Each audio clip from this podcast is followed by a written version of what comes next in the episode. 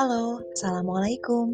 Salam kenal buat kalian semua yang baru pertama kali mendengar suaraku di udara. Kenalan dulu yuk, biar nggak kaku-kaku amat. Biar nanti kalau ketemu langsung, udah tahu harusnya apa kayak gimana. Aku Elis, biasa dipanggil Teteh. Namaku melekat sebagai orang Sunda. Walaupun mungkin saat ini nggak ada lagi tuh yang anaknya dikasih nama Elis. Sekarang, selain sebagai pengajar, aku juga senantiasa belajar di universitas kehidupan. Kalau di sekolah atau kuliah, mungkin kita rasanya pengen cepat lulus dan melewati setiap ujian yang ada.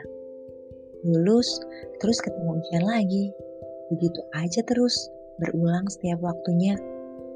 Dan di universitas kehidupan juga nggak jauh beda kok kita bakalan belajar banyak hal dari setiap masalah, setiap rasa, dan setiap manusia memang harus terus belajar sepanjang hidupnya.